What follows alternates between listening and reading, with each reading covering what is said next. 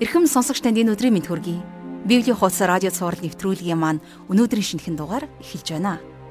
Тэгэхээр хэдхэн жилийн өмнө анх Библиэс Есүсийн хэлсэн "Би хоошид та нарыг зарц боол" гэж дуудахгүй. Харин та нар миний анд нөхөр байх болно гэсэн үгийг уншиж байсан юм. Монголд тухайн цаг үед хэн нэгэн анд нөхөр гэж дуудуулах нь маш ойр дотны харилцааг илэрхийлдэг байсан. Анд гэдэг үг жирийн хэрэглээний үг байгаагүй.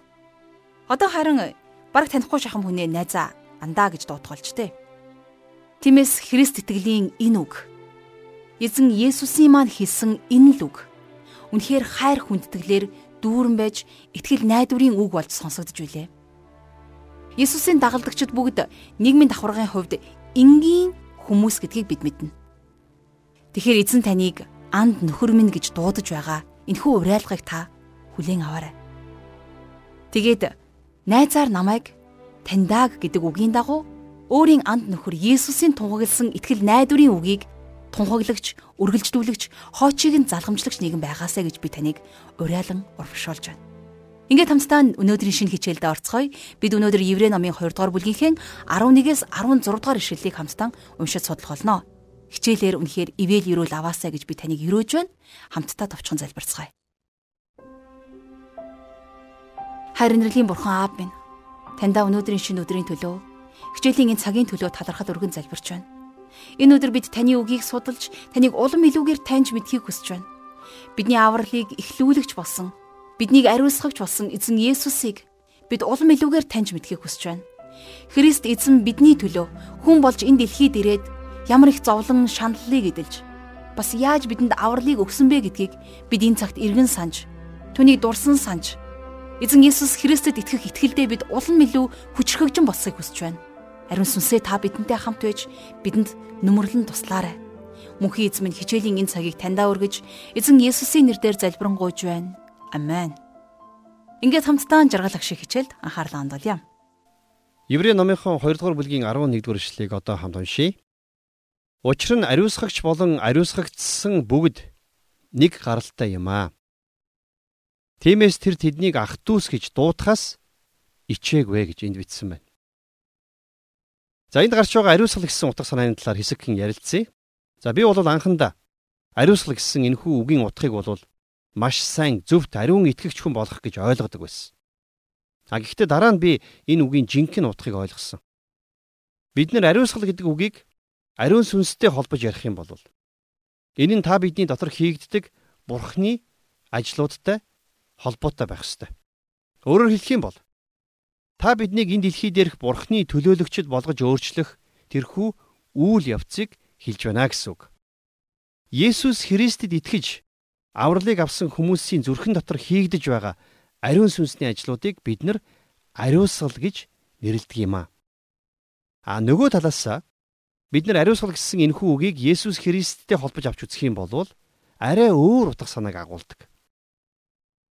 За энэ тохиолдолд бол энэ нь цэвэршүүлэх үйл явц гэхээс илүүтэйгээр бидний Есүс Христийн доторх байр суурийг зааж илэрхийлсэн үг болж хувирдаг. Тэгэхээр Есүс Христ хэдийгээр зөвхт нэгэн байсан боловч зөвхт биш та биднийг Бурхны өмнө авчрахын тулд бидний өмнөөс зөвхт биш болгогдсон байна. Ингэж Есүс биднийг Бурхны гэр бүлийн гишүүн болгох боломжтой болсон.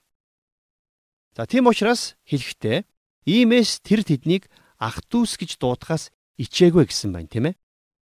Тэгэхээр Есүс Христ та биднийг Бурхны гэр бүлийн гишүүн болгож биднийг өөрийн ах дүүс гэж дуудсан. За ингэж дуудахаасаа Есүс ичээгүй. Би бол хувьдаа Есүсийг ахаа гэж дуудаж зүрхлэхгүй баха. А гэтэл Есүс та биднийг ах дүүс гэж дуудсан байх шүү дээ. Тэгэхээр тэр бол олон ах дүүсийн ууган нь мөн. Тэр өөрт нь итгэх итгэлээр дамжуулж та биднийг Бурхны гэр бүлийн гишүүд, Бурхны хүүхдүүд болгож байгаа.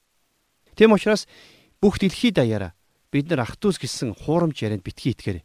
Ягд гэвэл энэ дэлхий дээр хоёр төрлийн ах дүүс байгаа.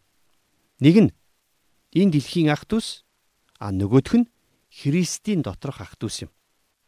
Хэрвээ та өнөөдөр Есүс Христэд итгэсэн бол Есүсийн ах дүүсийн нэг болж Бурхны гэр бүлийн албан ёсны гишүүн болсон гэдгээ санаарай. 12 дугаар ишлэлдэр таны нэрийг би ах дүүстэй тунхаглана. Чуулган дунд би таныг магтах болно гэсэн байна, тийм ээ. За энэ бол дуулал номын 22 дугаар бүлгээс иш татсан ишлэл байна. Энэ бол загалмайн дуулал гэдгээр алдартай дуулал байдаг. Тэгэхээр дуулал номын 22 дугаар бүлгийн эхний хэсэгдэр Христийн зовлонгийн тухай өгүүлдэг болвол тэнд Христийн загалмай дээрх сүүлчийн 7 үгийг багтаасан байна. Харин 22 дугаар бүлгийн төгсгөлийн хэсэгдэр Христийн алдаршуулалт гардаг. Дуулал номын 22-ын 22 дугаар ишлэлдэр таны нэрийг би ах дүүстэй хэлэх болно. Чуулган дунд би таныг магтах болно гэж хэлсэн байна. За 13 дугаар ишлэлдэр хуучин гэрээнээс иш татсан өөр нэгэн хэсэг гардаг. Хамтдаа 13 дугаар ишлэгийг одоо уншийе. Мөн итгэлээ би түүнд тавина. Намайг болон надад бурхны өгсөн хүүхдүүдийг харахтон гэжээ гэсэн байна. За энд бол Исаи номын 8 дугаар бүлгийн 17-оос 18 дугаар ишлэлийг иш татсан байгаа. За энэ бол ариун сүнс өөрөө Библийг тайлбарлаж байгаагийн нэгэн тод жишээ байдаг. Хэрвээ бид нар Исаи номын 8 дугаар бүлгийн 17-оос 18 дугаар ишлэгийг харах юм бол Исая яг л өөрийнхөө хүүхдүүдийн тухай өгүүлж байгаа юм шиг ойлгогддог. А гэтэл Еврей номын 2 дугаар бүлгийн 13 дугаар ишлэлдэр ариун сүнс өөрөө тайлбарлахдаа Исаи номын 8 дугаар бүлгийн 17-оос 18 дугаар ишлэлдэр Исая өөрийнхөө тухай биш харин эзэн Есүс Христийн тухай өгүүлсэн болохыг бидэнд илчилж өгч байна. Тэгэхээр хуучин гэрээний иш үзүүлгүүдийг бид нар Есүс Христээс салгаж ойлгож хэрхэвч болохгүй. Хэрвээ ингэх юм бол бид нар шин гэрээн дээр ариун сүнсний биднэрт өгч байгаа тайлбар, тайллуудыг өгөөсгөх хэрэг болно гэсэн үг. Тэгэхээр эзэн Есүс үхлээс амьсныхаа дараагаар за Иохны 22 дугаар бүлгийн 17 дугаар ишлэлдэр тэмдэглэгдснээр би эцэгтэй хараахан дээш очоогүй байгаа тул надад гар бүхүр. Харин ах トゥ нарт минь очиж тэдэнд би эцэгтэй буюу та нарын эцэгт бурхандаа буюу та нарын бурхан дээш очино гэдгийг хэлгэлээ гэсэн байна. Тэгэхээр энд гарч байгаа ах トゥ нар гэдэг нь мэдээж тухайн үед Есүсийг дагалдаж байсан 11 дагалдагч нарын тухай хэлсэн байж таарна, тийм ээ? А тэгвэл тэдгээр 11 дагалдагч нар нь бүгдээрээ еврей хүмүүс байсныг бид нар мартаж болохгүй. За бас дээрэс нь энэ загтал ч гэсэн бас еврейчүүдэд хаяглагдсан загтал. Тийм учраас бид нар Бурхны ахын дүүс дотор буюу чуулганаас гадна еврейчүүдийн орон зай байгаа гэдгийг хүлээн зөвшөөрөх ёстой юм а. 14 дугаар ишлэлдэр тийхүү хүүхдүүд нь мах цусны тасархай болов. Түүнчлэн тэр өөрөө бас тасархай болсон. Ингэснээр тэр үхлийн хүч буюу диаволыг үхлээрээ хүчингүй болгоод гэж бичсэн байна, тийм ээ. За, тэгэхээр энэ ишлэл дээр эзний хүм мөн чанарыг онцлсан байна. Тийхүү хүүхдүүд нь мах цусны тасархай болов түнчлэн тэр өөрөө бас тасархай болсон гэж бичсэн байгаа биз. За уг нь Израильчууд аврагч Месияг буюу Есүс Христийг ирнэ гэж хүлээж байсан. А гэхдээ Есүс Христ ирэхдээ тэдний бодож төсөөлж байснаас шал өөрөөр ирсэн. А тэгсэн хэдий ч Израильчууд Есүсийг таних боломжтой л байсан. Яагад гэвэл иш үзүүлэгч нар Есүсийн анхны ирэлтийн тухай маш олон зүйлсийг яг тодорхой бичиж үлдээсэн байсан. Израильчууд дайсныг нь дарж дархан цолоо мандуулах агуу хааныг хүлээж байсан. А тэгсэн яасан гэж Есүс Христ бяцхан жаалхүү болж хорвоод мэндэлсэн байдаг. Бид нар бүгдээрээ мах цустай сул дорой хүмүүс учраас Есүс Христ ч гэсэн бас та биднэртэй адилхан мах цустай хүн болон энэ дэлхийд ирсэн. Та бид нар энэ дэлхийд яаж ирсэн шиг Есүс ч гэсэн бас тэгжил ирсэн. Та дараагаар нь хэлэхдээ ингэснээр тэр үхлийн хүч буюу диаволыг үхлээрээ хүчингү болгоод гэж. Тэгэхээр Есүс Христ энэ дэлхийд мэндэлснээр үйлчлэл нь дуусаагүй байгаа биз? Тэр өөрийнхөө үхлээр хүмүүн биднийг аварсан юм аа. Тэр энэ дэлхий дээр мэндэлсэн нь биш. Харин энэ дэлхий дээр амиа өгсөн нь биднийг аврах шалтгаан болсон. Есүсийн үхлээр дамжуулан бид сүнслэг мөнхийн үхлийн шийтгэлээс аврагдаж мөнх ам мөнх авралыг хүлээж авсан юм. 15 дугаар ишлэлийг уншийе. Бүх насаараа үхлийн айдсаар боолжлогдож байсан бүгдийг чөлөөлөх юмаа гэж энд бичсэн байна. Тэгэхээр Бурхны шодрог хуулийн дагуу бүх гим нүглийн төлөөс нь үхэл байх ёстой байсан. Гим нүгэл үйлдэлсэн ам үхлийг амсах ёстой байсан. Өөрөөр хэлэх юм бол нүглийн төлөөс нь үхэл. Анх сатан хүнийг уруу татаж гим нүгэл үйлдүүлснээр хүн үхлийг хүлээж авсан байдаг. Тэгсэн мөртлөө сатан өөрөө хүмүүсийг буруутгаж үйлдэлсэн гим нүглийнхэн төлөө үхлийн шийтгэлийг бурхнаас шаарддаг. Гэтэл үнэндээ гим нүгэл үйлдээгүй гэж хэлэх хүн энэ дэлхий дээр нэгч байгаагүй, нэгч байхгүй, хожимч гарч ирэхгүй. Бүх хүмүүс гим нүгэл үйлдсэн учраас бүх хүмүүс үхлийн айдсаар боолчлогдсон. За нэгэнд ингэж боолчлогдсон учраас хүмүүс гим нүгэлд үйлчилж эцсийн дүндээ болвол сатааны боолчлолдоор амьдарч байсан. Харин Есүс Христ өөрийн үхлээр тэр бүх боолчлолоос хүмүүсийг чөлөөлөх боломжтой болсон байна. Ингээд 16 дугаар эшлэлдэр учир нь тэр үнэхээр Тэнгэр элч нарт бус харин Авраамийн үр удамд санаа тавьдгаа. Хуучин гэрэн дээр Христ Тэнгэр элчийн мөн чанараар дэлхийд ирж тухайн үеийн хуучин гэрээний хүмүүстэй ярилцдаг байсан тийм ээ. Тэм учраас Есүсийг хуучин гэрээн дээр эзний Тэнгэр элч гэж нэрлсэн байдаг.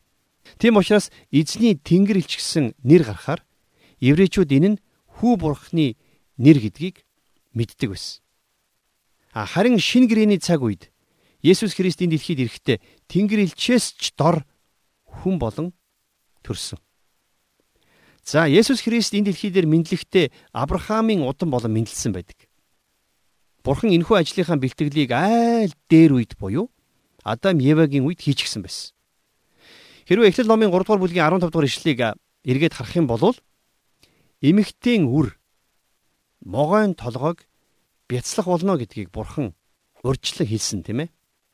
А тэгээд дараа нь хуучин гэрээн дээр Бурхан тэрхүү аврагч Месиа Авраамийн удмаас За тодруулж хэлэх юм бол Юда овгоос мэндэлнэ гэдгийг урдчлан хэлсэн байна. За дээрэс нь бүр тодруулаад онгон бүсгүйгээс мэндэлнэ гэдгийг ч хэлсэн.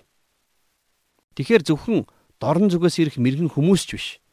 Уул нь бол бүх Израиль даяараа Есүсийг хүндлэхээр Бэтлехемд очивол очихоор тийм тодорхой тэмдгийг Бурхан Израильчуудад өгсөн байсан юм а. Харамсалтай нь Тэд нар энийг анзаараагүй.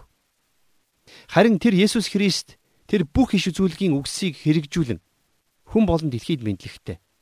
Таны төлөө, миний төлөө, энэ дэлхийн бүх хүн төрлөختний төлөө ирсэн гэдгийг бид санахдаа үргэлж талархаж амьдрах учиртай юм аа.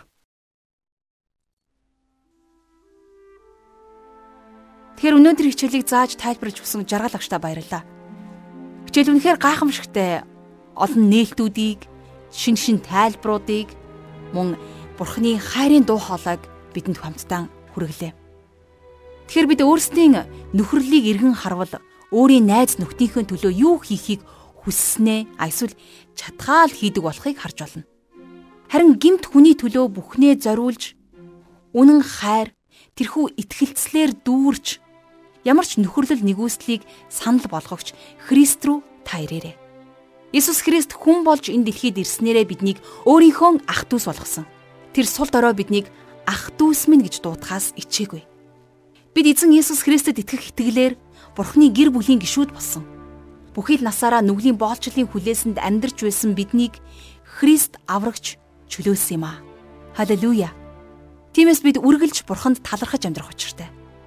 Хичээлийн төгсгөлд эзэнд талархал магтаалыг өргөн залбирцгаая. Бурхан аав минь Таньда өнөөдрийн хичээлийн төлөө онцгойлон талархал магтаалыг өргөн залбирч байна. Еврей ном бол манай эртний ихэнх үеийн тэрл еврейчүүдэд зориулагдсан бичсэн цагтл биш. Дундад зууны сэргэн мандалтын үеийн 20 дугаар зууны 21 дугаар зууны мөн эзэн минь таныг эрэх хүртэл бүхий л цаг үеийн итгэгчдэд зориулагдсан бичсэн захидал гэж хүлээн авч таны үг болон сануулгыг, таны синхруулэг, урам зориг, хайрыг хүлээн авч бид суралцаж, өсөж, торнож боочход та бидэнтэй хамт байгаарай. Мөнхийн эзэн минь, та биднийг ах дүүс минь, итгэлт сайн, журамт анд минь гэж дуутахаас ичээгүй учраас баярлалаа аваа. Харин мөнхийн эзэм нь бид заримдаа энэ дэлхийн сайн сайхан, энэ дэлхийн хавчлага дарамтаас болж бид таны нэг хэсэг, бид Христийг гэж дуудагдахаасаа нэрлэгдэж хочлогдохоосоо ичиж имэж исэн бол та биднийг уучлаарай. Харин аава энэ цаг мөчөөс эхлэн амьдралынхаа бүхий л хоног өдрүүдэд бид зөвхөн таныг алдаршуулан амьдрахын төлөө нэгэн шийдвэрийг гарган залбирч байна. Ариун сүнс минь та бидэнтэй хамт байж эзэн та өөрийн үнэн гайхамшигтай үгээ та цаг мөч тутамд сануулж баяр хөөрөөр урам зоригоор эзэн таны ялгуулсан яруу алдар дотор таныг алдаршуулан амьдрахад бидэнд хүч чадал нэгүслийг дүүргэж өгөөрэй. Мөнхийн эзэн минь танд бүхий л алдар магтаалыг өргөж таны цорын ганц хүү бидний эзэн Есүс Христийн нэрээр талархлыг өргөн залбирч байна. Амен.